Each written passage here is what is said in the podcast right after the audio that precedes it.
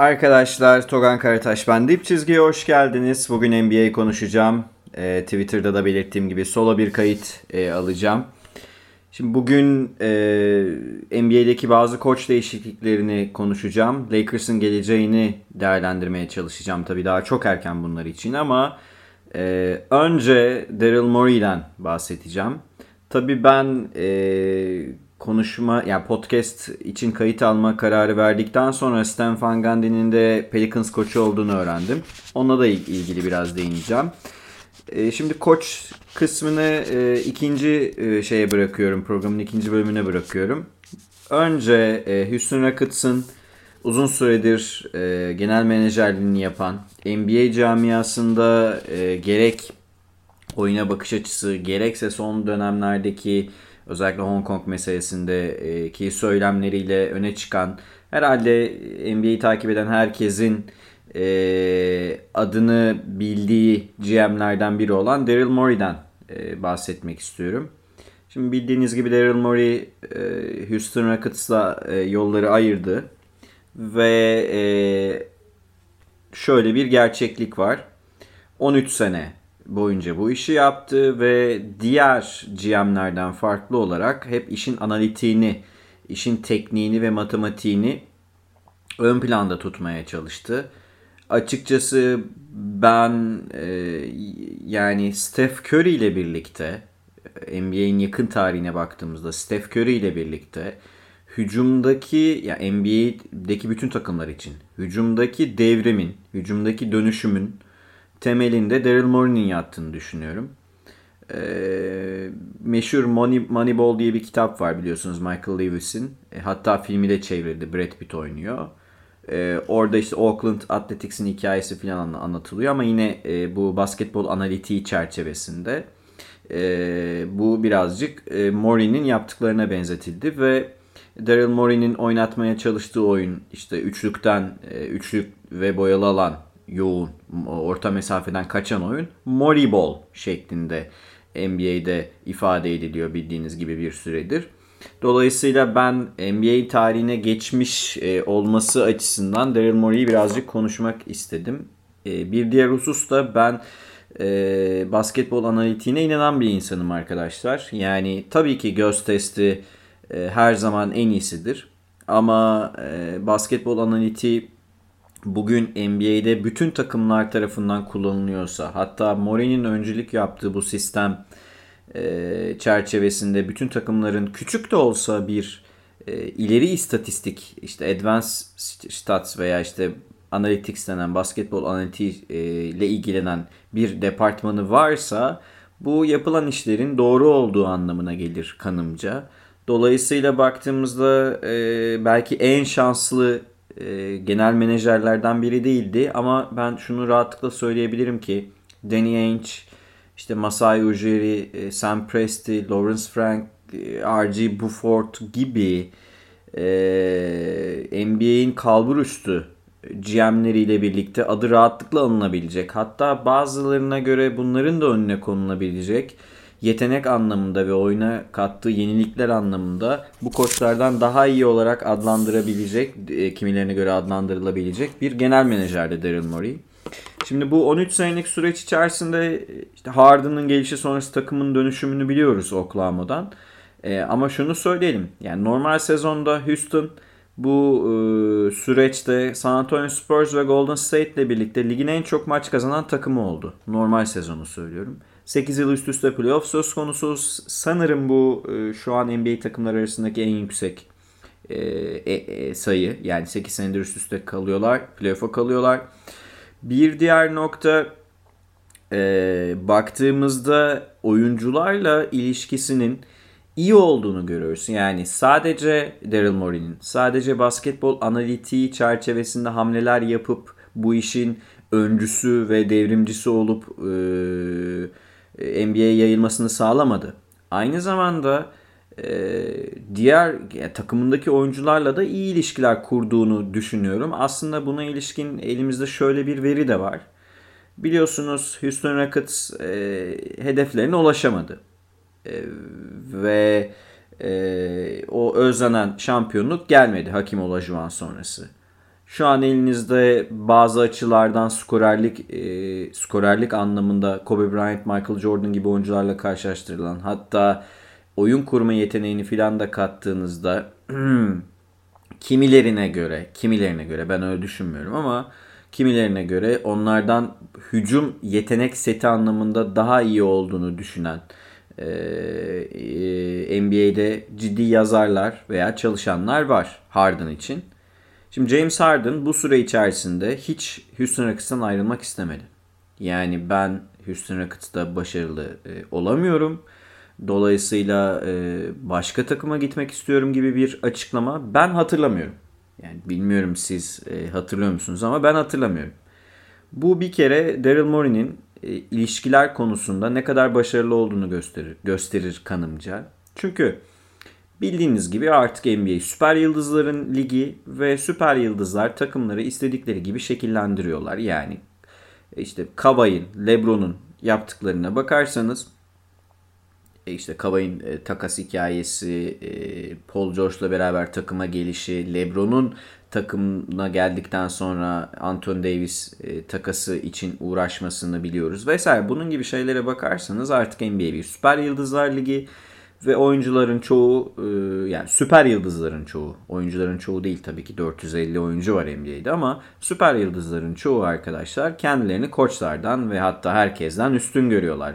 Franchise oyuncusu olduğunda bir oyuncu 2020 yılına geldiğimizde artık kendisini bir rockstar gibi gördüğü için veya işte popstar gibi gördüğü için her şeyden daha üstün dediğimi yaptıracağım her şeyden daha üstün görüyor kendini ve dediğimi yaptıracağım modunda hareket edebiliyor. Dolayısıyla biz Harden'dan böyle gitmek istiyorum gibi bir çıkış görmediğimize göre en azından bu anlamda başarılı diyebilirim. Tabii şimdi bir nokta daha var. Westbrook takasına geleceğim. Onu ben de eleştireceğim ama Mori'nin e, hamlelerinin en son hamlelerinden biri işte Capella e, Covington hamlesi. Hamlelerinin çok düşünülerek yapıldığını, e, üstünde çalışılarak yapıldığına e, eminim. Çünkü refleksif karar veren bir e, genel menajer değil Daryl Morey.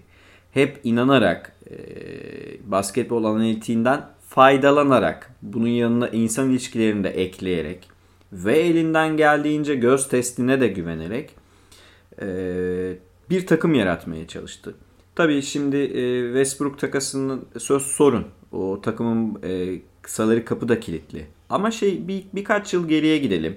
Meşhur Golden State dönemine gidelim. Şimdi Golden State dönemini hatırlarsanız Batı'da Golden State tek başına neredeyse e, işte Oklahoma'yı 3-1'den gel, e, gelip eledikleri bir dönem var. Onun dışında e, zorlayan tek takım Houston. Ve çoğu takım e, yarı aktif hani böyle yani yarı aktif tanking moduna girmiş durumda ya da Golden State gibi bir güç söz konusuyken zorlamanın e, anlamı yok şeklinde düşünenler var. Yani buna aykırı düşünenler sporcu sayabiliriz. E, işte Oklahoma'yı Durant varken sayabiliriz ve tabii ki Houston Rockets'ı sayabiliriz. Golden State en güçlü dönemindeyken e, o Steve Kerr yönetiminde Murray geri adım atmadı ve Chris Paul takasıyla birlikte bütün kartlarını sürdü. Bu Golden State'in hegemonyasını finale çıkmadan o takımı yıkmak için elinden geleni yaptı. Tabii şimdi baktığımızda bunu e, yapmak çok büyük bir cesaret ister bence. Bu cesareti Daryl Morey'nin gösterdiğini düşünüyorum ben. E, işte o meşhur 7. maçta kaybedilen 7. maçta e, 37 tane sanırım üçlük kaçmıştı yanlış hatırlamıyorsam toplamda. 44'te 7 idi ve bunların bayağı bir kısmı da üst üste kaçmıştı. Bu olmasaydı e, Golden State'i de eleyeceklerdi. Şimdi Daryl Morey'nin yarattığı Houston Rockets evet belki NBA finali göremedi ama burada e, ben bir sorumlu daha arıyorum. James Harden'ın normal sezonda gayet iyi bir şekilde yaptığı ve istikrarlı bir şekilde yaptığı o skorerlik ve takım liderliği e, rolünü daha doğrusu vazifesini diyelim playofflarda çok iyi yapabildiğini düşünmüyorum. Çünkü playofflarda takımlar e, bu belki D'Antoni ile de ilgili olabilir. takımlar Houston'a özel olarak çalıştıktan sonra örneğin işte perimetreyi daha iyi savunmak, e, orta mesafeyi çok iyi savunmamak gibi çeşitli riskler aldıktan sonra Houston'ın çok çabuk dağılabilen bir takım haline geldiğini görüyoruz. Yani işte ben hatırlıyorum San Antonio Spurs serisini kaybetmeleri bu seneki e, seriyi çok bence ta, ligin yani bu e, bu seneki performans tabanıdır Houston Rockets'ın. Ben hatta bu sene Houston Rockets'la ilgili bir yazı yazmıştım. Taban final, taban e, ikinci tur diye. İkinci turda elendiler. E, Harden'ın bu anlamda takım lideri olamaması ve playofflarda ciddi şekilde verimlilik kaybetmesinin ee, ben e, Mori'nin hanesine ve Mori'nin Houston'daki mirasına eksi yazdıran unsurlardan biri olduğunu düşünüyorum. Çok da Mori'nin kontrolünde değil tabii ki bu olay. Yani James Harden hiçbir zaman Jimmy Butler'ın bu finallerde yaptığımı e, izlediğimiz gibi bir e, özür diliyorum Jimmy Butler'dan izlediğimiz gibi bir tepe performansına çıkamadı playofflarda istikrarlı bir şekilde. Bu Mori'nin tabii ki e, kurduğu takımın finale çıkamamasına neden oldu. Bununla birlikte yani üçlük devrimi, boyalı alanı daha efektif kullanma amacı, köşelere e, dizilen şütörler ve tabii ki meşhur small ball.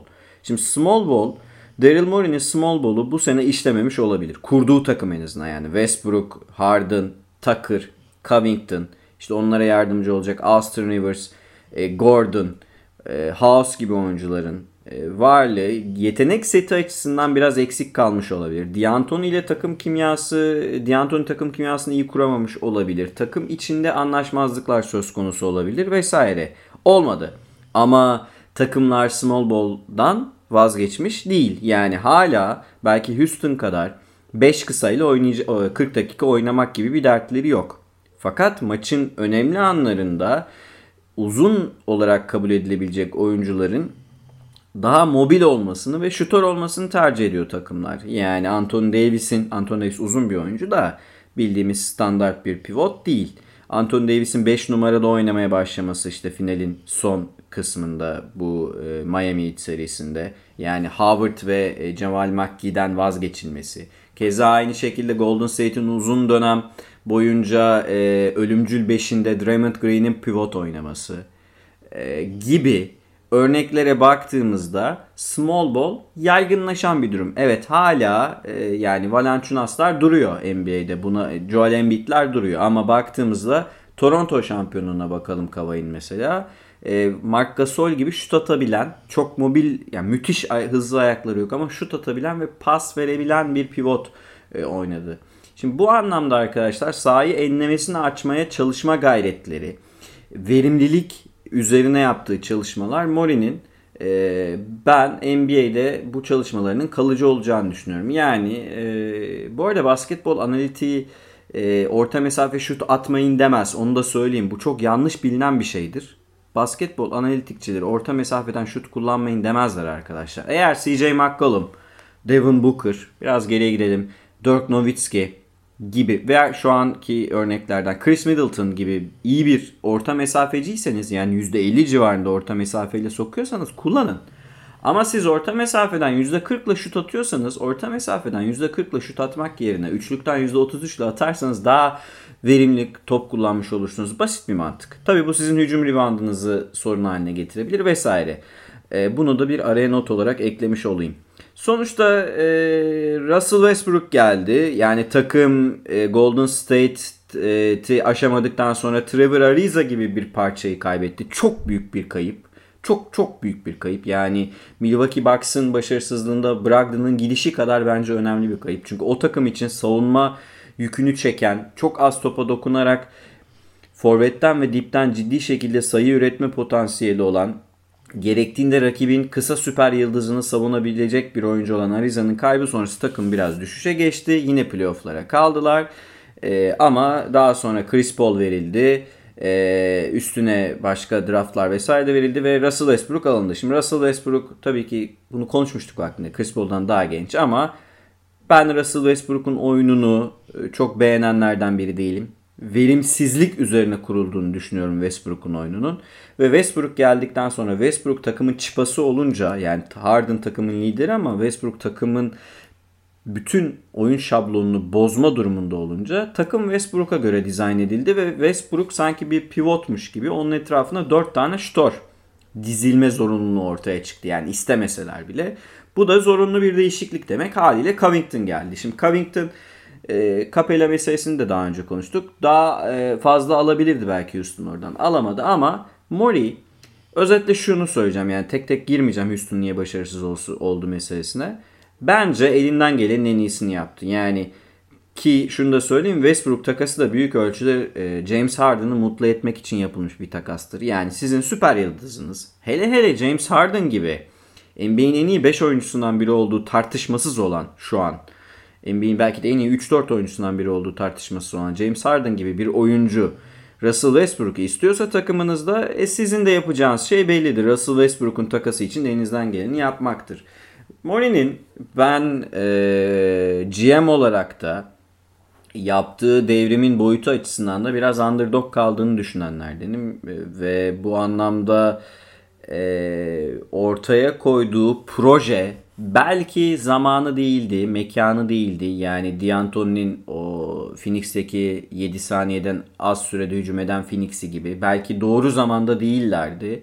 Veya e, ben, özellikle bench konusunda eksik kalmış olabilir Mori bu anlamda.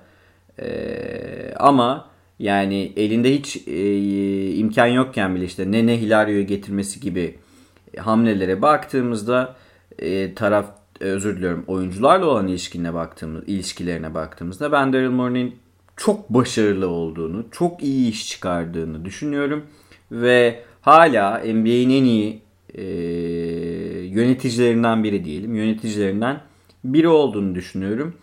E, arkadaşlar, e, Daryl Morey'nin Houston'dan ayrılmasının Houston için işleri daha iyiye getireceğine ilişkinde açıkçası pek bir beklentim yok. Yani Westbrook'un ne olduğu belli, Harden'ın ne olduğu belli. 40 milyon dolarlık kontratları var.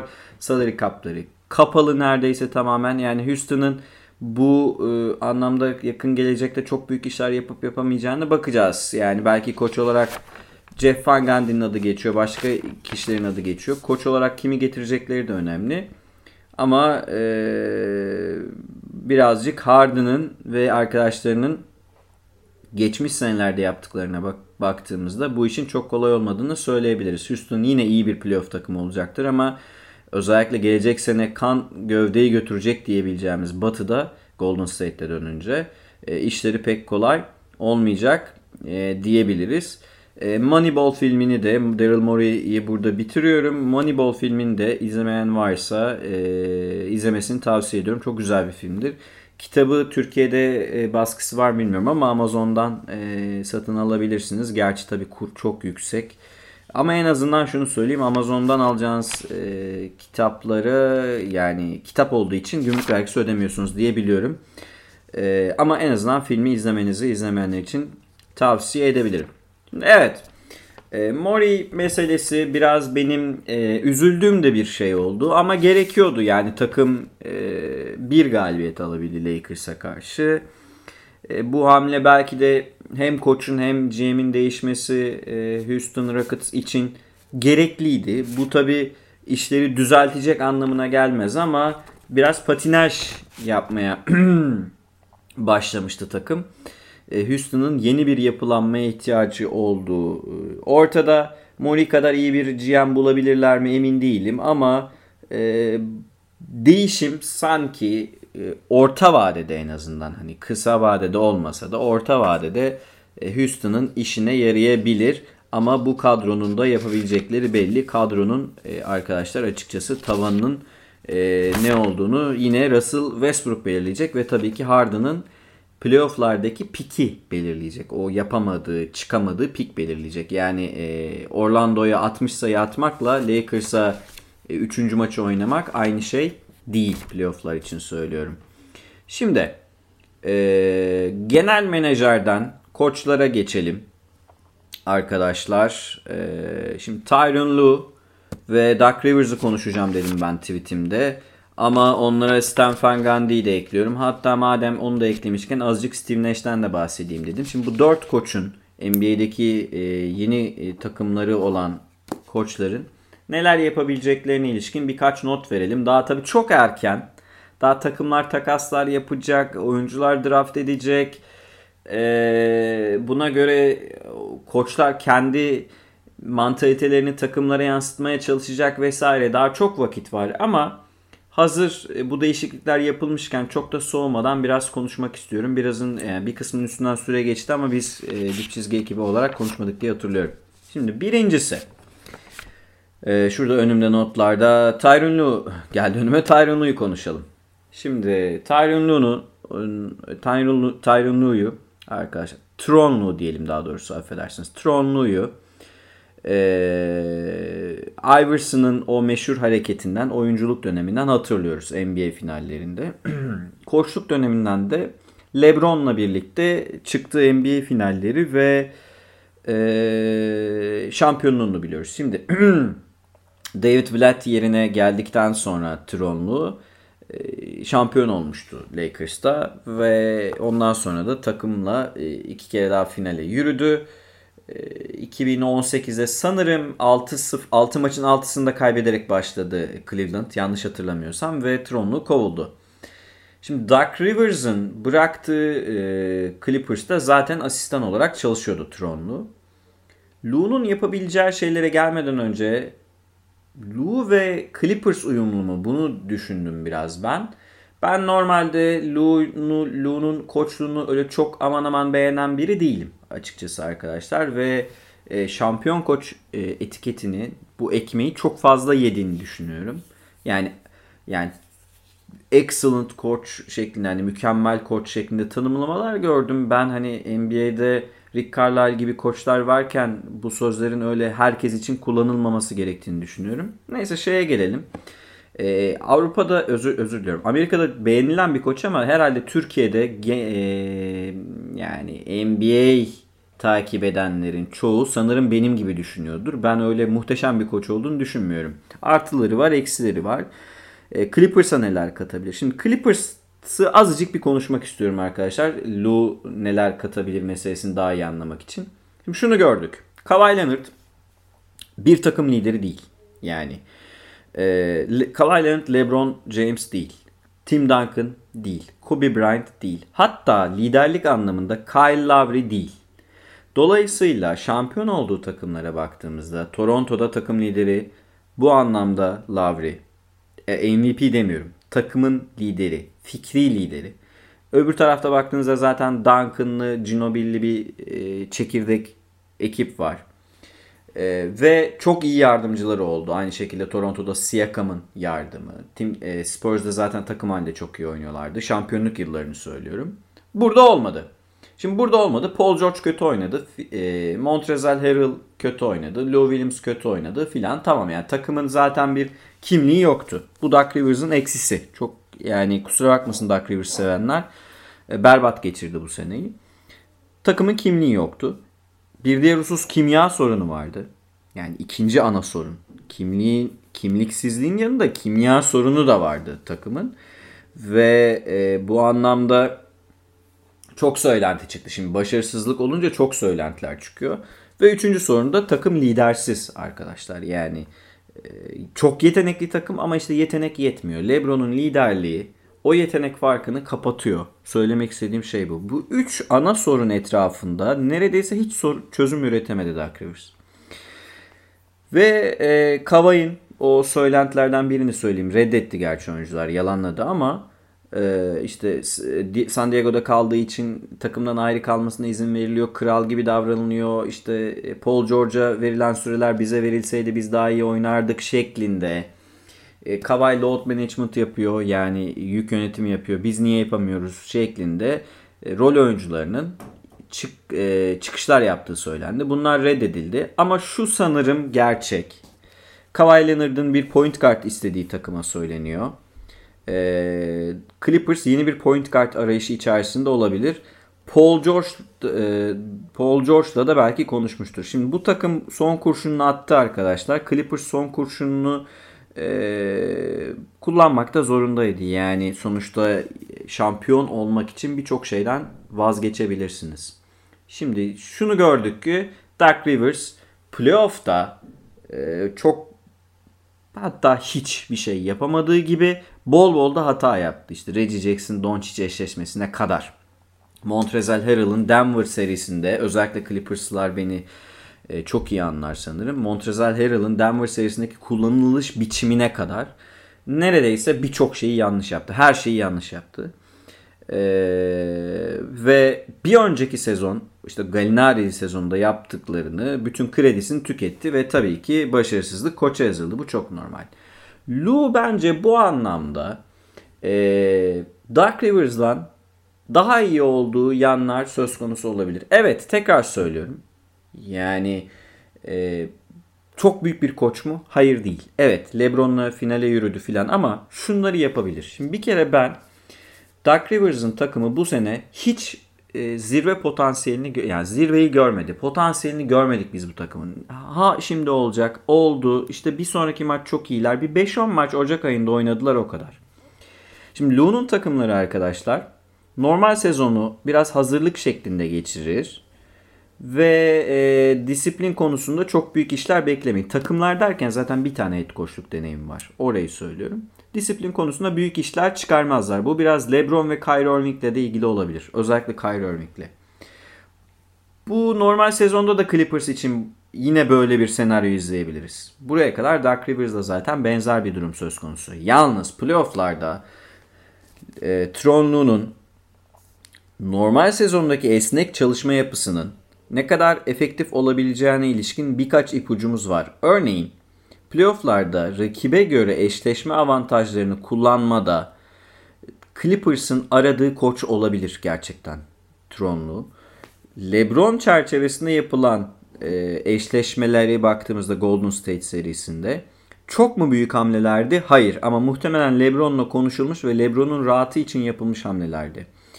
Lou bu şekilde Kavay'ın rahatlaması için eşleşme avantajlarını daha iyi kullanıp ve rakibe göre biraz daha esneyebilen ve daha rakibe karmaşık gelebilen bir takım yaratabilir. Bu anlamda biraz meraklı olduğunu da biliyoruz. Ee, yani meraklıdan kasıt olumlu anlamda söylüyorum. Kendini de geliştirebilir. Yani Duck Rivers'ın asistan olarak çalışıyordu ama zaten bir gün mutlaka e, şeye geçeceği belliydi. Yani bu anlamda artısı, görebildiğim en büyük artısı Tronlu'nun bu. Eksisi tabii ki e, LeBron dışında e, yani çok iyi bir takımla doğudan gelip finale çıkması 3 e, kere tamam bunlar iyi şeyler ama başka bir head coachluk deneyimini henüz görmedik. İkincisi teknik anlamda müthiş koç mu açıkçası değil. Ama bu yetenek setini yani Clippers'ın elindeki yetenek setini yönetme konusunda e, iyi olabilir ve Dark Rivers'dan daha kötü olacağını açıkçası beklemiyorum. Tabii bu işi birazcık da e, takımın yapacağı takaslar, olası takaslar yani point guard alınabilir örneğin veya Montrezl Harrell takımdan gidebilir. Takaslar da belirleyecek. E, normalde tekrar söylüyorum Tronlu için çok e, böyle e, favori koçlarımdan biri değilim ama yani biraz bu biraz hissiyat. Bence Clippers her ne kadar David Yoger gibi e, boşta işte Stan Van Gundy gibi daha böyle teknik anlamda iyi olduğunu düşündüğüm veya Kenny Atkinson gibi teknik anlamda iyi olduğum koç, düşündüğüm koçlardan birini seçmese de e, hem takımın yönetim ekibiyle hem de oyuncu kadrosuyla fena ilişkiler kurmayacak bir koç seçildi diye tahmin ediyorum. Bunu tabii gelecekte e, hep beraber göreceğiz. Ben o kadar kötümser değilim. Takımın e, bir şansı daha var. Şampiyon olmaları çok zor. Çünkü bu sene şampiyon olması gerekiyordu Clippers'ın. Şampiyon olmaları çok zor. Ama ben e, hani öyle 3-1'den seri verme gibi böyle travmatik durumların açıkçası yaşanacağını düşünmüyorum. Tabi her şey Kavay'ın rahatı ile ilgili. Tabi burada Kavay da arkadaşlar Tronlu'nun başarısını belirleyecek. E, istatistikleri fena değildi. İyi playoff geçirdi ama özellikle son maçın son çeyreğinde yaptığı işler rezaletti. Dolayısıyla bu anlamda Kavay'ın da kendini geliştirmesi e, gerekiyor. Evet şimdi Tronlu meselesi böyle arkadaşlar.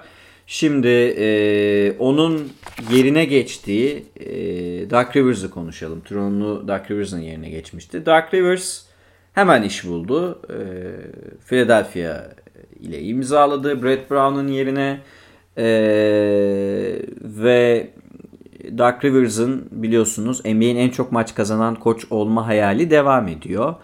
Açıkçası birkaç sezon hariç, birkaç sezon hariç işte Orlando'daki 1-2 sezonu, ee, 2018-19 Clippers sezonu gibi böyle birkaç sezon hariç çoğu sezonda e, açıkçası gördüğü ilgiyi hak etmediğini ve biraz da overrated olduğunu düşündüğüm koçlardan biridir Doug Rivers.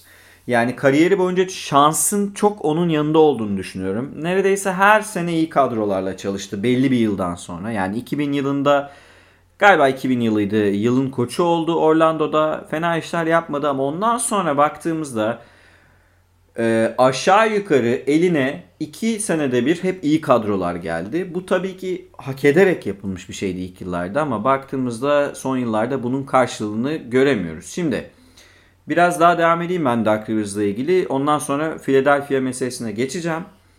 18-19 ee, sezonunda 48 galibiyete çıkması, ESPN'in 30-35 galibiyeti zor görür, görür dediği takımla playoff'u yapması büyük başarı. Büyük iş. Özellikle Gallinari'ye kariyer sezonunu yaşatması büyük iş. Beverly gibi oyunculardan, Lou Williams gibi oyunculardan maksimum alması harikaydı. Ve çok da takdir ettim. Hatta çok eleştirdiğim için kendime de kızdım o dönem. Hani hocanın hakkını verelim biraz haterlık mı yapıyoruz diye. Ama bu sezonki işlere baktığımızda hocanın çok ezber hareket ettiğini gördük. Ee, yani asla rakibe göre e, hamleler yapmadığını gördük. Yani Montrezl Harrell ve Lou Williams'ın dakikaları var. Onlar rakip kim olursa olsun Houston Rockets da olsa, Denver Nuggets şey özür dilerim. Houston Rockets da olsa, Denver Nuggets da olsa, Los Angeles Lakers da olsa aynı şekilde oynuyor. Böyle olmaz. Böyle olmayacağını gördük. Ee, İnsan yönetimi konusunda çok iyi olduğu söyleniyor ısrarla. Ben bu konuda da şüpheliyim. Yani bu sene insan yönetimi konusunda da müthiş işler çıkardığını düşünmüyorum. Teknik anlamda zaten her zaman tekrar söylüyorum overrated bir koç bence teknik anlamda zaten e, iyidir diyen herhalde yoktur. İnsan yönetim konusunda çok sık övülüyordu ve iyi bir karakter olduğu söyleniyor. Evet yani ben Doug Rivers'ı insan olarak konuşmalarını dinlediğinizde çok iyi bir karakter olduğunu, öyle boş bir insan olmadığını e, ve özellikle verdiği politik mesajlarla, insani mesajlarla, oyunun spor yönüne ilişkin mesajlarıyla sevilebilecek bir insan olduğunu görüyorsunuz. Bu anlamda oyuncuların kişi olarak saygı duyduğuna eminim ona. Ama ee, iyi karakter, iyi koç yapmıyor arkadaşlar size. Anlatmak istediğim şey bu. Şu an 900 küsür galibiyeti var. 940'ın üstünde galibiyeti var. Yanlış hatırlamıyorsam Dark Rivers'ın. Yani işte Petrali'yi falan herkesi geçmek istiyor. Bu olabilir. Yani Dark Rivers çok uzun süre daha koçluk yapıp NBA'nin en çok maç kazanan e, koçu olabilir. Bu mümkün. E, ama e, bu hala onu NBA'nin iyi koçlarından biri yapmaz. Neyse şeye gelelim. Yani bu sene e, sözün özü batırdı. E, peki Fila ne yapacak? Şimdi Fila arkadaşlar basketbol analitiğine yani en başta söylediğim Daryl Morey'nin ortaya koyduğu basketbol analitiğine biraz düşman bir takım. Yani Ben Simmons gibi şut atamayan e, bir oyuncu forvet boyundaki bir oyuncu. Point guard rolünde oynadı çok uzun süre. Shake Milton geldikten sonra işte biraz pozisyon değişti vesaire. Embiid gibi post-up yapan bir oyuncunuz var ve bu iki oyuncunun uyumsuz olduğunu artık cümle alem biliyor. Yani NBA'yi takip eden herkes biliyor ki Ben Simmons ve Embiid'in oyun yapıları birbirine uygun değil. Ben Simmons açık saha istiyor. Tam sahayı kullanmak istiyor. Transition oynamak istiyor. Embiid ise yarı sahada post-up oyunları oynamak istiyor. Ve bu iki oyuncu genelde birbiriyle oynamazken yani tek başına sahadayken, tek başına derken diğeri bench'teyken diye düzelteyim. Diğeri bench'teyken filanın net ratingi hep daha iyi. Ee, bu anlamda çok e, şey değil hani ben bu ikisinden birinin e, takımdan ayrılacağını uzun süredir söylüyorum zaten. Hani proses e, patlamıştır kusura bakmasınlar. Proses patlamıştır. E, hani takım full takasından filan da genel olarak düşündüğümüzde iyi iş çıkaramamıştır. Ama kadro hala baktığınızda çok iyi yani işte Horford'un Josh'ın, Tobias'ın falan olduğu bir kadroya asla kötü kadro diyemezsiniz. Ki Ben Simmons ve Embiid'in de NBA'nin en yetenekli oyuncularından ikisi olduğunu biliyoruz. Fakat şöyle bir şey var. Mesela Embiid, Brett Brown yönetiminde bu sene ligin yanlış hatırlamıyorsam yine en iyi, e, en iyi diyorum. En çok orta mesafe kullanan 10-15 oyuncusundan biriydi. Maç başına 5'e yakın orta mesafe şutu var Embiid'in. Ve yüzde sadece %40'la atıyor orta mesafeleri. İşte e, basketbol analitiği burada devreye giriyor. %40'la orta mesafe atıyorsanız atmıyor. Atmayacaksınız arkadaşlar. Yani söylemek istediğim şey bu. Embiid orta mesafe atmamalı. Ben Simmons perimetreden şut sokabilmeli. Daha da ötesi faal sokabilmeli. Embiid post-up'ta bazen inanılmaz işler çıkarıyor. Hani bakıyorsunuz MVP olur bu adamdan diyorsunuz. Bir sonraki maç yerlerde. Veya aynı maçın ilk yarısı 20 sayı 5 rebound yapmış. İkinci maç yerlerde. Ee, ve daha da ilginci bu takımın oyuncuları içe dönük arkadaşlar. Yani Ben Simmons ve Embiid'in ilişki ilişkisinin de çok iyi olduğunu düşünmüyorum. Kötü karakterler oldukları için veya geçinemedikleri için değil. Takımın biraz içe dönük olduğu belli. Ayrıca bir Horford problemi de var. Horford'un takımdan tamamen kopuk olduğunu düşünüyoruz. Yani en azından gelen söylentiler bu yönde ki oyun da bunu gösteriyor. O kontratı çekecek e, birini bulmakta açıkçası çok kolay değil. Yani e, Fila'nın e, Fila için işler iyi gitmiyor ve işler kötü giderken Brett Brown'u gönderdiler. Brett Brown da zaten öyle aman aman müthiş iyi işler yapmadı. Bunu da söyleyeyim. E, bu noktada Tronlu için e, Clippers cephesinde e, oluşturmaya çalıştığım tablonun iyimser kısmın e, Dark Rivers için de biraz da olsa geçerli. Yani tamamen böyle kötümser bir şey söylemeyeceğim. Evet Dark Rivers'ı eleştirdim. Philadelphia'yı eleştirdim. Ama bu iki e, durumun bir ortak noktası var. Yani şöyle şöyle toparlayayım. Dark Rivers'ın koçluk meziyetleri ve alışkanlıklarıyla Philadelphia 76ers'ın e, şu anki durumu ve oyuncuların yapısı arasında bir ortak nokta mevcut. Bu ortak nokta da arkadaşlar old school.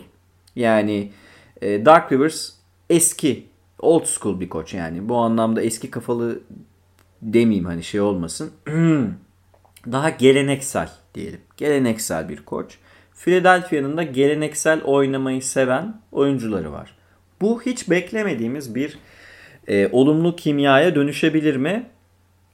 Düşük de olsa böyle bir olasılık var.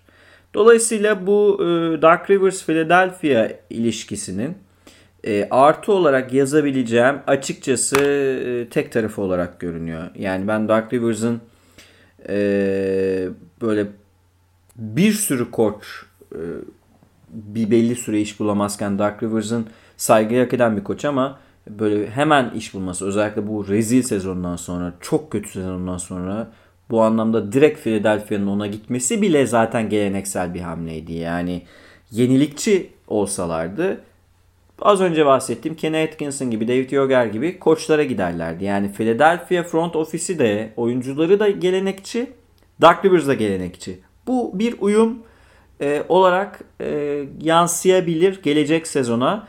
Yalnız şunu da söyleyeyim son olarak. E, Dark Rivers'ın Lamela Ball'u çok sevdiği ve beğendiğine ilişkin e, haberler okudum. Ve bunu biliyoruz da aslında. E, hani Lamela Ball'u birinci sıradan seçmek için Minnesota'nın draft hakkını e, alıp belki takasla Ben Simmons'ı vermek gibi hikayelerle karşılaşabiliriz arkadaşlar. Yani Lamela Ball'u alabilmek için birilerine vermek gerekiyor. Hani Ben Simmons Embiid ikilisi daha sezonun başında bile ayrılabilir. Bunu da söyleyeyim. Bir diğer husus Buddy Hield'ın adı geçiyor ciddi şekilde Philadelphia ile. E, bu da e, Dark Rivers'ın e, kullanabileceği oyunculardan biri olur. Hani J.J. Redick gibi kullanır onu belki Clippers'ta.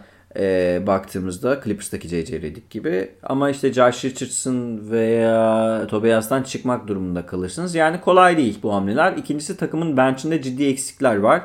Hani Furkan tamam iyi oyuncu seviyoruz. E, e, vatandaşımız olduğu için özellikle izliyoruz. Ama hani Furkan bir NBA playoff takımında kurtarıcı olarak sahaya girmez. Dolayısıyla bench'e de katkılar yapılması gerekiyor. Son olarak şunu söyleyeyim. Geleneksel anlamda birbirine uyuyor olabilir bu iki e, bu e, koç ve takım. Fakat ne Boston'da ne Clippers'ta e, istenen işleri yapabilmiş durumda Dark Rivers. Ben şampiyon oldukları sene dahi Dark Rivers'ın büyük iş yaptığını düşünmüyorum. Onu da söyleyeyim. Yani 2008'de Boston şampiyon olurken bile bence Dark Rivers büyük ölçüde takımın gücüne ve Thibodeau'nun asistanlığına yaslanmıştı. e, ve 2012'den beri burada notlarımı almıştım. E, evet 2012'den beri arkadaşlar e, konferans finali yok ve Clippers'ın o meşhur Chris Paul'lu, DeAndre Jordan'lı, Black Griffin'li kadrosuyla da hiç konferans finali göremedi. Ve birçok kez, beni dinleyen herkes biliyor ki birçok kez e, 3-1'den de seri verdi. Dolayısıyla e, o 2012'de Boston'la konferans finaline kaldıktan sonra 8 senedir konferans finaline çıkamıyorsa ve gayet de iyi kadrolarla çalışıyorsa bir koç ben o koçu eleştiririm. Kimse kusura bakmasın. Bakalım Philadelphia ile e, ilişkisi nasıl olacak? E, hocamızı izlemeye devam edeceğiz. Bininci galibiyet için uğraşacak. Hani 57-58 civarında galibiyet alabilir mi Fila bilmiyorum ama en geç bir dahaki sene hoca herhalde bininci galibiyetine ulaşır diye tahmin e, ediyorum arkadaşlar. Evet Dark Rivers'ı burada kapatıyorum. İzninizle Steve Nash'e geçeceğim. E, özür diliyorum. Stan Van Gundy'ye geçeceğim. Steve Nash'e kısa değineceğim. Şimdi ben e, kayda girmeden önce ufak bir işim vardı. O yüzden geceye aldım kaydı. Stan Van Gundy haberini okudum tam böyle kayda girecekken. Birkaç not aldım. Pelicans e, Stan Van Gundy ile anlaştı. E, hani ilginç yorumlarını dinliyoruz bazen. Özellikle LeBron hakkında yaptığı yorumların birkaç tanesini e, komik de bulmuştum. Pek de katılmamıştım. Hatta LeBron'un e, zaman zaman eleştirmişti. Ama genelde maç içinde e, maçı anlatan e, spikerin yanında fena iş çıkarmadığını söyleyebiliriz. Neyse şimdi Stan Van Gundy arkadaşlar hani Miami dönemini hatırlayanlar olabilir. Pat Riley'nin onun yerine gelmesi vesaire. Ama herhalde en çok Orlando döneminden hatırlanıyordur. Son Detroit dönemi e, bence yine başarısız değil. E, ama en akılda kalan dönem bilmiyorum. Şimdi Miami döneminde kötü bir takımı aldı. O takımı playofflara soktu. E, özellikle 2004 playofflarını açıp bakarsanız yani Indiana'yı neredeyse eleyecekti o takım. Üstüne e, Shaq takasından sonra Pat Riley, bence Pat Riley onu kovdu.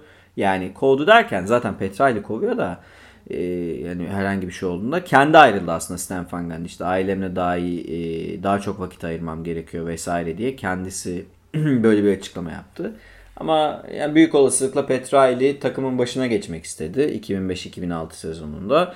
Şampiyonluğa yürüdüler. 2004-2005 sezonunda ise Dwayne Wade'in sakatlığı vardı playofflarda e, hatırlarsınız. Ve o sakatlık nedeniyle e, konferanstan çıkamamışlardı ama bir sonraki sezon Shaq ve Wade ikilisi e, şampiyonluğa yürüdüler. E, Nowitzki'li Dallas'a karşı e, ki bence 2006 serisinde de hani hakem tartışmaları da var. Onu da söyleyeyim. Çok da böyle içime sinmeyen kararlar var. Özellikle Miami'nin e, aldığı, Wade'in aldığı faaller. Neyse asıl mesele bu değil. E, şu netti. Hani Shaquille O'Neal'ı yönetebilen bir kişiden bahsediyoruz. Ve Shaquille O'Neal şunu söyledi. Kendi e, kitabında yazıyor bu. E, ben kovdurmadım Stan Van Gundy'yi dedi. Yani ben öyle koç yiyen bir kişi değilim Hani Petrali'nin işidir bu dedi. Ve açıkçası benim de aklıma yatan şey bu. Orlando dönemi ben Orlando döneminde hocanın yaptığı işe çok büyük saygı duyuyorum ve o takımın kıymetinin zamanla anlaşıldığını düşünüyorum. Hatta belki de hala anlaşılmadığını düşünüyorum. İki büyük hatası var onları söyleyeceğim. E, 4 şutör hatırlarsanız Hidayet'in top getirdiği NBA finalinde Hidayet'in top getirdiği ve 4 tane şutör artı Dwight Howard şeklinde oynayan bir takımdı o. Yani Rashad Lewis'ler işte Hidayet Türkoğlu gibi şutörler ve üstüne Dwight Howard içeride e, pota altını süpürüyor. Bu çok açıkçası izlemesi zevkli bir takımdı. Ve e, finale kadar çıktılar ama tabii ki Kobe Bryant e, seriyi aldı 4-1. E, bu anlamda o takımın yaratılış dönemine baktığımızda Stan Van Gundy'nin makro anlamda inanılmaz bir iş çıkardığını düşünüyorum ben. Yani Orlando e, Stan Van Gundy'nin yaptığını bir daha yapamadı Orlando. Ve e, Howard'ın Stan Van Gundy'nin gidiş döneminde hatırlıyorum ben. Howard'ın Stan Van Gundy'nin gitmesi için özellikle uğraştığı da söyleniyordu. Ee, Howard'ın da açıkçası ben onun değerini anladığını düşünmüyorum. Çünkü Howard'da olabilecek en iyi sistemde bence Stan Van Gundy ile birlikte oynadı. Ee, şu an e, Yannis Antetokounmpo için kurulmuş sistemin benzerini Stan Van Gundy bundan 10-12 sene önce Howard için kurmuştu. Yani Howard e, tabi o zamanlar çok iyi oynuyor. Yani yılın savunmacısı falan seçiliyor. Şu anki Howard'la karşılaştırmayın arkadaşlar. Kariyeri çok başka bir yerde Dwight Howard'ın. Ve onun savunma çıpası rolünü 4 tane şutör ve skorerle besleyerek NBA finalini gördü. Tabi iki kritik hata var. Bu belki şampiyon yine olamazlardı ama e, bir e, Lakers serisinde e, maç sonlarında paniklediğini gördük hocanın. Yani Shaq da mesela böyle der. Stan Van Gundy biraz panik koştur der. ve panik alt, panik kararlarıyla veya paniklediği için bir nevi şoka girme gibi düşün. Hiçbir şey yapmamasıyla 1-2 maç sonunda ciddi şekilde Lakers'ın e, Kobe Bryant'la maçı aldığını biliyoruz. Yani aslında o seri uzayabilirdi. 4-1 bitmeyebilirdi. İkincisi Jamir Nelson kararı yani uzun dönem sakat kalmış takımın asıl point guard olan Jamir Nelson'ın sakatlıktan döndükten sonra birden rotasyona dahil olması ve takımın düzenini bozması da o şampiyonluğun gitmesinde etkili olmuş olabilir. Tabi bu dediklerimin hiçbiri olmasa dahi Kobe Bryant muhtemelen e, Pau Kobe Bryant omurgası, omurgası muhtemelen şampiyon olacaktı. Ama işler böyle olmayabilirdi. Dolayısıyla Stan Van Gundy'nin de eleştirilecek noktaları mevcut. E, Detroit için ise şunu söyleyebilirim. Detroit bayağı lotarya takımı iken iyi kötü bir playoff takımı haline gelmiştir Stan Van Gundy hocamıza. Genel olarak ben Van Gundy e, hocaları severim. Yani Jeff Van Gundy'yi de severim. E, Stan Van Gundy'yi de severim. Ve yani Pelicans'ın koçu oldu. Şimdi Pelicans'ın e, yapısına baktığımızda Zion Williamson, e, Brandon Ingram, Jackson Hayes, işte Lonzo Ball gibi gençler var. Drew Holiday gibi bir oyuncuları var. E, Nigel Alexander Walker gibi oyuncuları var. Bu oyuncular etrafında gelecek iyi planlanırsa Batı'da işler çok zor ama e, New Orleans iyi işler yapabilir. Tabi e, Alvin Gentry döneme baktığımızda 5 senede e, bir playoff turu geçilebilmiş durumda. 40 galibiyeti e, bu 5 sene boyunca sadece bir kez aşabildiler yine. Daha da önemlisi şu son bubble'da yani e, Fanus'ta çok e, fikstür anlamında çok rahat bir durumdayken Pelicans yani en kolay fikstüre sahip bir iki takımdan biriyken birkaç takımdan biriyken açıkçası batırdılar. Tabi buralarda tecrübe konuşuyor. Genç takımların e, bu anlamda tökezlemesi doğal ama daha iyisi beklenirdi. Dolayısıyla beklenen bir değişim oldu. Alvin Gentry'nin e, Pelicans kariyeri de açıkçası pek iyi değil. Ben Stan Van Gundy'nin Pelicans'a katacağı iki önemli şey olduğunu düşünüyorum. Bir, gençlerin e, daha özgüvenli ve basketbolu daha iyi bilerek oynaması olacak. İki, Stan Van Gundy takımları arkadaşlar her zaman çok iyi savunma takımları olmuştur. Stan Van Gundy'nin takımı yani tanking yapan bir takım değilse gerçekten böyle çöplerden oluşmuyorsa e, o takım savunma verimliliğinde yani defensive rating'de ilk ona girer ve girmiştir de. E, şimdi baktığımızda son 5 sezonda Pelicans'ın NBA'deki ortalama defansif rating yani ortalamayı söylüyorum bakın iyileri değil. Ortalama defansif ratingin üzerine çıkabildiği 2 yıl var. O da yani ucundan kıyısından. Geçen sezonu yani bu şu an bitirdiğimiz sezonu savunma verimliliğinde 19. 20. sıralarda kapattılar. Yani ortalamanın altında savunma yaparak kapattılar yine. Burada ortalama 15. sıra değil bu arada onu da söyleyeyim bir düzeltme yapayım. Hani cümlem öyle anlaşılmış olabilir. E, genel anlamda şeyi söylüyorum ben ortalamayı söylüyorum. E, Pelicans'ın daha iyi savunma yapması şart. Bunu Stan Van Gundy yapar. E, Drew Holiday eğer takımda kalırsa Drew Holiday'in lider olduğu hani o Portland meşhur Portland serisini hatırlayın. Zion Williamson'ın da muhtemelen daha fazla süre almaya başlayacağı bir takımda e, Stan Van Gundy'nin pozisyon bilgisini geliştirerek oyuncuların duracağı yerleri de e, geliştirerek duracağı yani e, belki switch ettirerek daha fazla yani matchup bilgisini geliştirerek, eşleşme bilgisini geliştirerek takımı savunma verimliliği anlamında yükselteceğini düşünüyorum. E, bu Pelicans için bence bulunmaz bir nimet. Playoff olur mu bunu bilmem. Yani Batı çok zor. Batı'da gerçekten çok güçlü takımlar var. Güçlü olmasa bile tecrübeli olan takımlar var. Dolayısıyla Batı'da playoff yapmak çok kolay bir iş değil. Ama Stan Van Gundy adına sevindim. Pelicans'ın ben iyi bir tercih yaptığını düşünüyorum. Ee, hani gelecekte bu çekirdekle eğer başında kalmaya devam ederse takımın iyi işler yapacağını düşünüyorum. Stan Van Gundy hocamızın bunu daha sonra yine değerlendire değerlendirebilirim arkadaşlar. Değerlendirebiliriz dip çizgi ekibi olarak. Tabii her şey birazcık takaslarla ilgili olacak yine. Ki Pelicans'ın draftta da elinin bol olduğunu söyleyelim. İyi oyuncular seçerlerse Van Gundy hocam oynatır. Yani oynatır. Makro anlamda iyi işler çıkaracağına eminim. Mikro coaching'e bakacağız. Yani iyi takım kurar Van Gundy.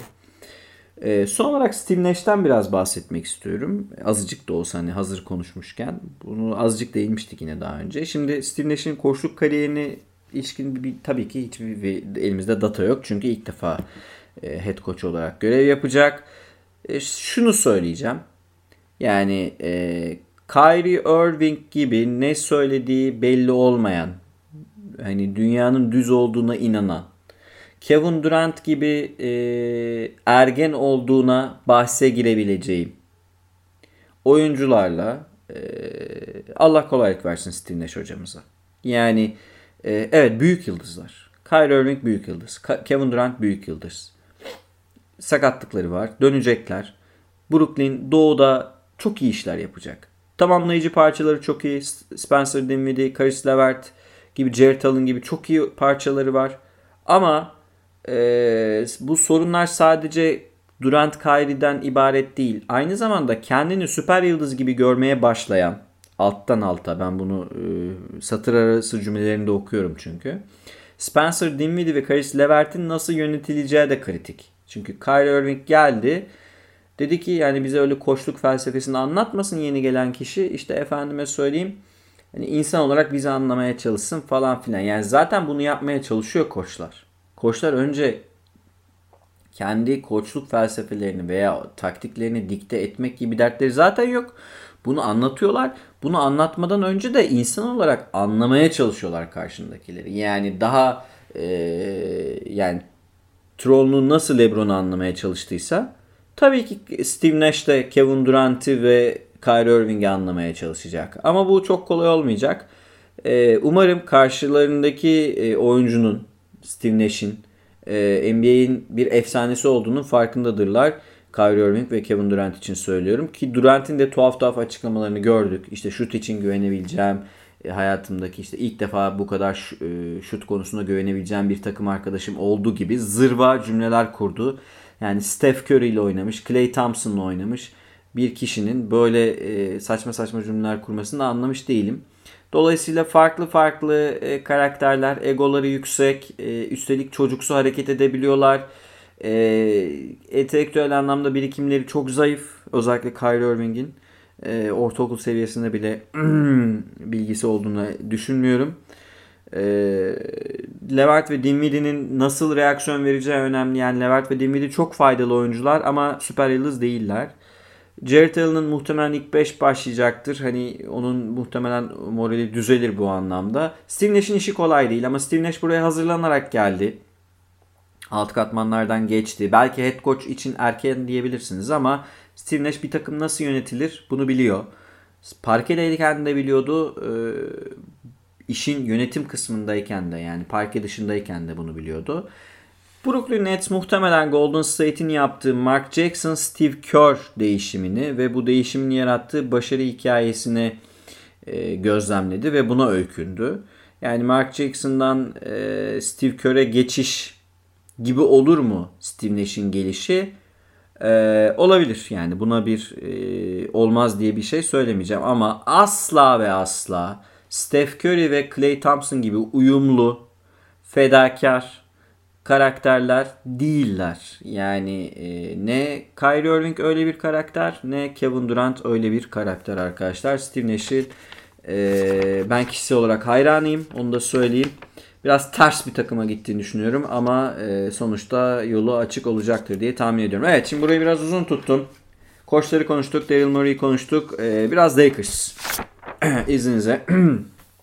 Şimdi neden Lakers'ı seçtim? Şu yüzden arkadaşlar. Tabii ki son şampiyon olduğu için seçtim. Ama daha önemlisi e, LeBron'un bunu konuştuk bu arada yani Lakers'ın şampiyonluğunu konuştuk. Meraklısı dinleyebilir.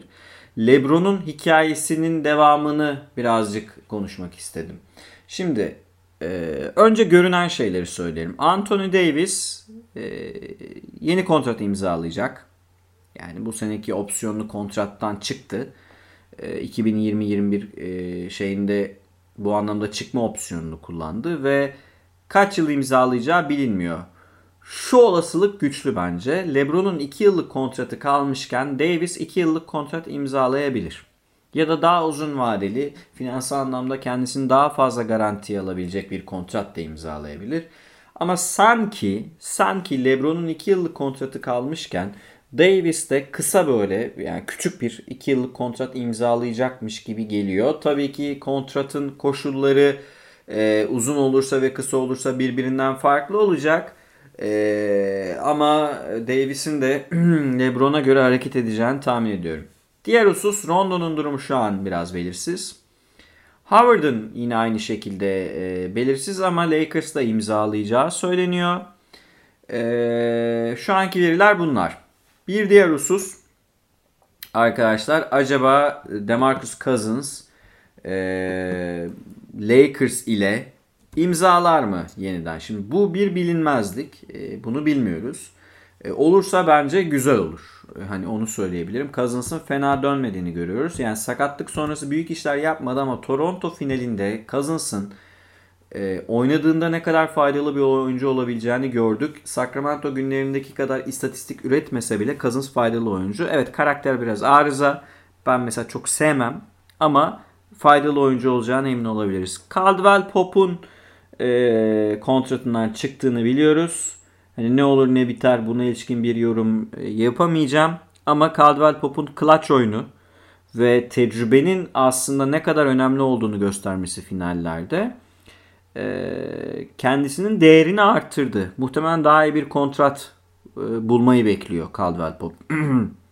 Bu anlamda finaldeki performansıyla aslında hak etti de diyebiliriz. Yani Caldwell Pop yıllarca çok eleştirildi. Aslında bu eleştirilerin bir kısmı da haklı eleştirilerdi.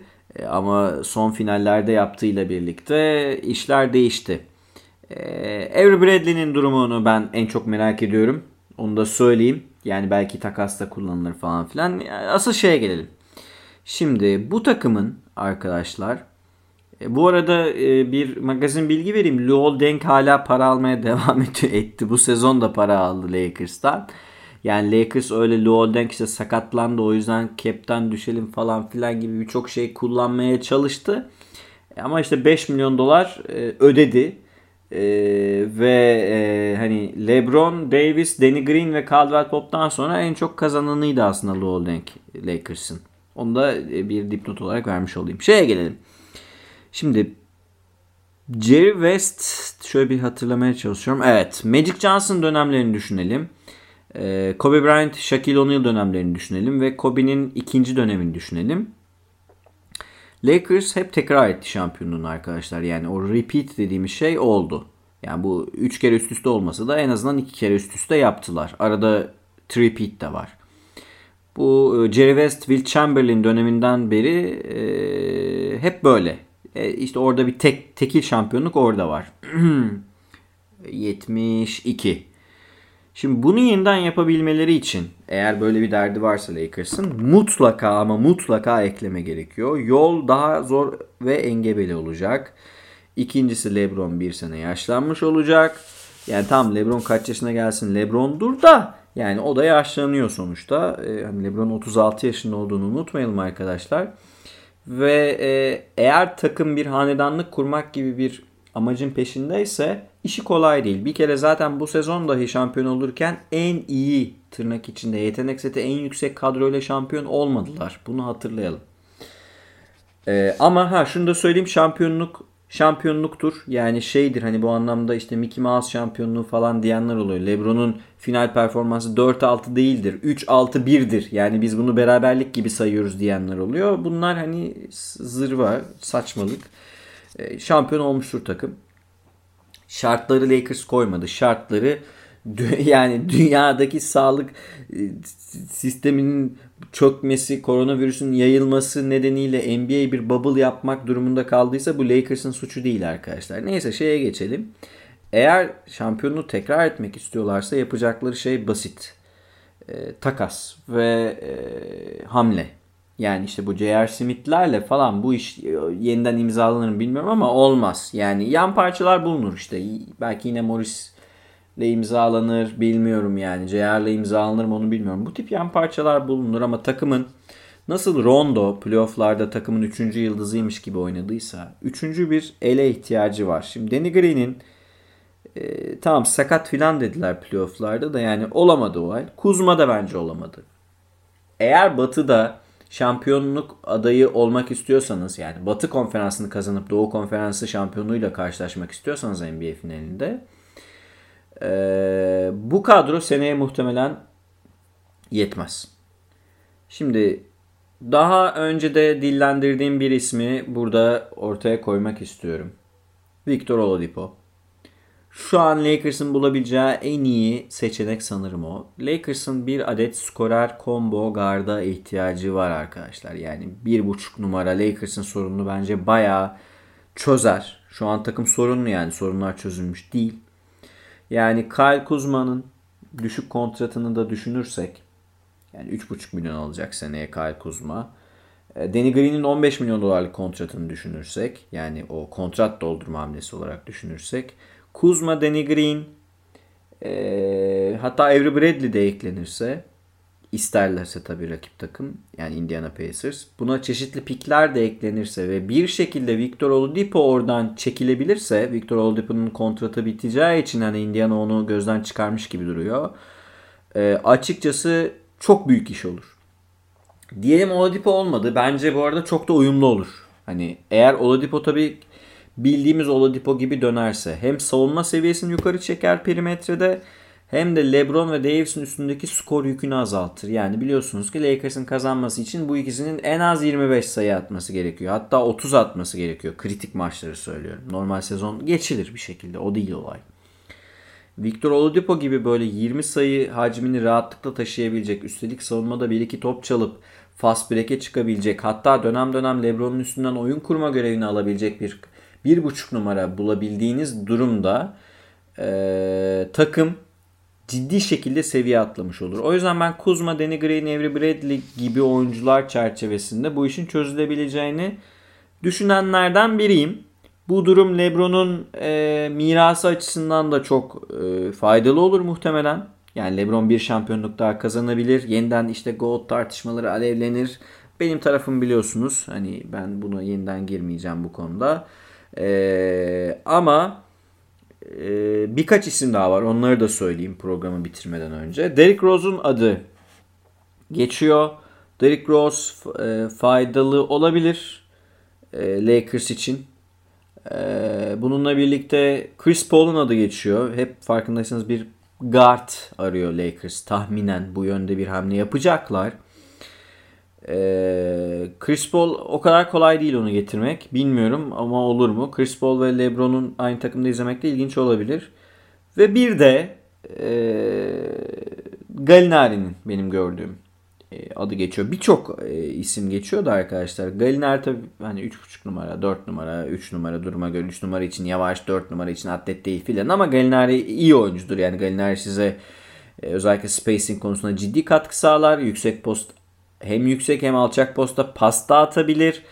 E, üstelik fena bir reboundçı değildir filan. Yani Galinari sizin e, perimetreden şut bulabilen uzununuz olur. Dolayısıyla iş yapar. Ama bunları almak çok kolay değil arkadaşlar. E, en cümle söyleyeceğim şey şu. Bir skorer guard bulabilirse takım yani bir buçuk combo guard diyelim ona. Skor üreten bir guard bulabilirse Lakers'ın e, Batı konferansından yeniden çıkması mümkün. Bu imkansız değil. E, şu an işler zor.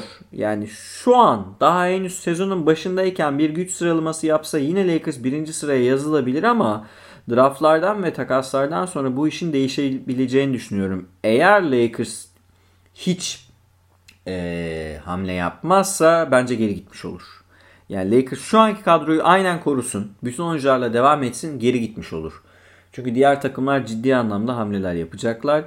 E, bu hamlelere Lakers yanıt verebilirse ki Los Angeles biliyorsunuz büyük şehir, Kaliforniya bulunmak istenen bütün hani entertainment anlamında çekici bir şehir. E, ve e, hani LeBron'un geleceği de bu anlamda daha olumlu etkilenebilir diye düşünüyorum. Tabi Howard'ın, Rondo'nun, Anthony Davis'in kararına birlikte bakacağız. Cousins ne olur bilmiyoruz. Caldwell Pope'un durumunu söyledim. Derrick Rose, Chris Paul, Gallinari, e, Victor Oladipo gibi isimler geçiyor. Oladipo için ben uğraşacağını düşünüyorum açıkçası e, Lakers'ın. Bu, bu, bu haberi çünkü birkaç bir yerden okudum. Tabi tamamen uydurma da olabilir bunlar arkadaşlar. Daha güçlü haberler için biraz daha dönem geçmesi e, gerekiyor. Lakers'ın önü açık mı? Açık yani. Kapalı değil sonuçta. Tabii ki. Hani çok ezdiler. Hani Lakers'tan hiçbir şey olmaz dediler. LeBron oraya film çekmeye gidiyor dediler. E, takım şampiyon oldu. Ve bence e, tamam e, biraz şans yaver gitti işte Clippers'a karşılaşmadılar filan ama Milwaukee ve Clippers gibi takımların olduğu yerde eşleşmemeleri onların suçu değil. Birinci bitirdiler konferansı. Yani sonuçta yollarında kendileri belirledi. Ee, bu böyle takımların olduğu yerde arkadaşlar hani şampiyon olmaları bence hiç de azımsanmayacak bir şey. Ee, kabul ediyorum. Jim Butler dışında bir rakip süper yıldız yoktu Miami'nin ama Lakers'ın da yan parçaları çöpten halliceydi. Bu unutulmasın. Ee, bu sezon Lakers için biraz böyle bir, birden çok olasılığın aynı anda denk geldiği bir sezon oldu. Yani gelecek sezon e, Clippers'la oynamak durumunda kalabilirler. Her ne kadar Clippers'ı ben eleştirsem de yetenek seti anlamda Lakers'la çok rahat eşleşebilen hatta bence bazen onun üstüne çıkabilecek bir takım. Bütün bunlar e, LeBron James'in liderliğinin ne kadar büyük olduğu gerçeğini tabii ki örtmesin. LeBron, Anthony Davis yanına bir oyuncu daha eklenebilirse e, Lakers yeniden şampiyon olabilir pekala ama gelecek sene gerçekten batı çok zor olacak. Evet ben burada sözümü noktalıyorum. Ee, NBA dönemini kapatmıştık biliyorsunuz. Euroleague e, izliyoruz en azından basketbol sus değiliz. Ee, arkadaşlar dip çizgi e, bir aksilik olmazsa Euroleague maçlarını yorumlamaya devam edecek hafta sonu. Arada böyle olursa e, hani NBA'ye ilişkin çeşitli gelişmeler yaşanırsa ben memnuniyetle gerek solo gerekse işte Efe, Can, Orçun veya Mustafa ile e, yayına e, girerim. Bugün e, solo bir kayıt aldım. E, hatalı hatalarım olmuş olabilir, eksiklerim olmuş olabilir arkadaşlar. E, sürçülisan ettiysem affola. E, bir sonraki programda görüşmek üzere. E, Hoşçakalın. E, basketbola kalın. Sağlıcakla.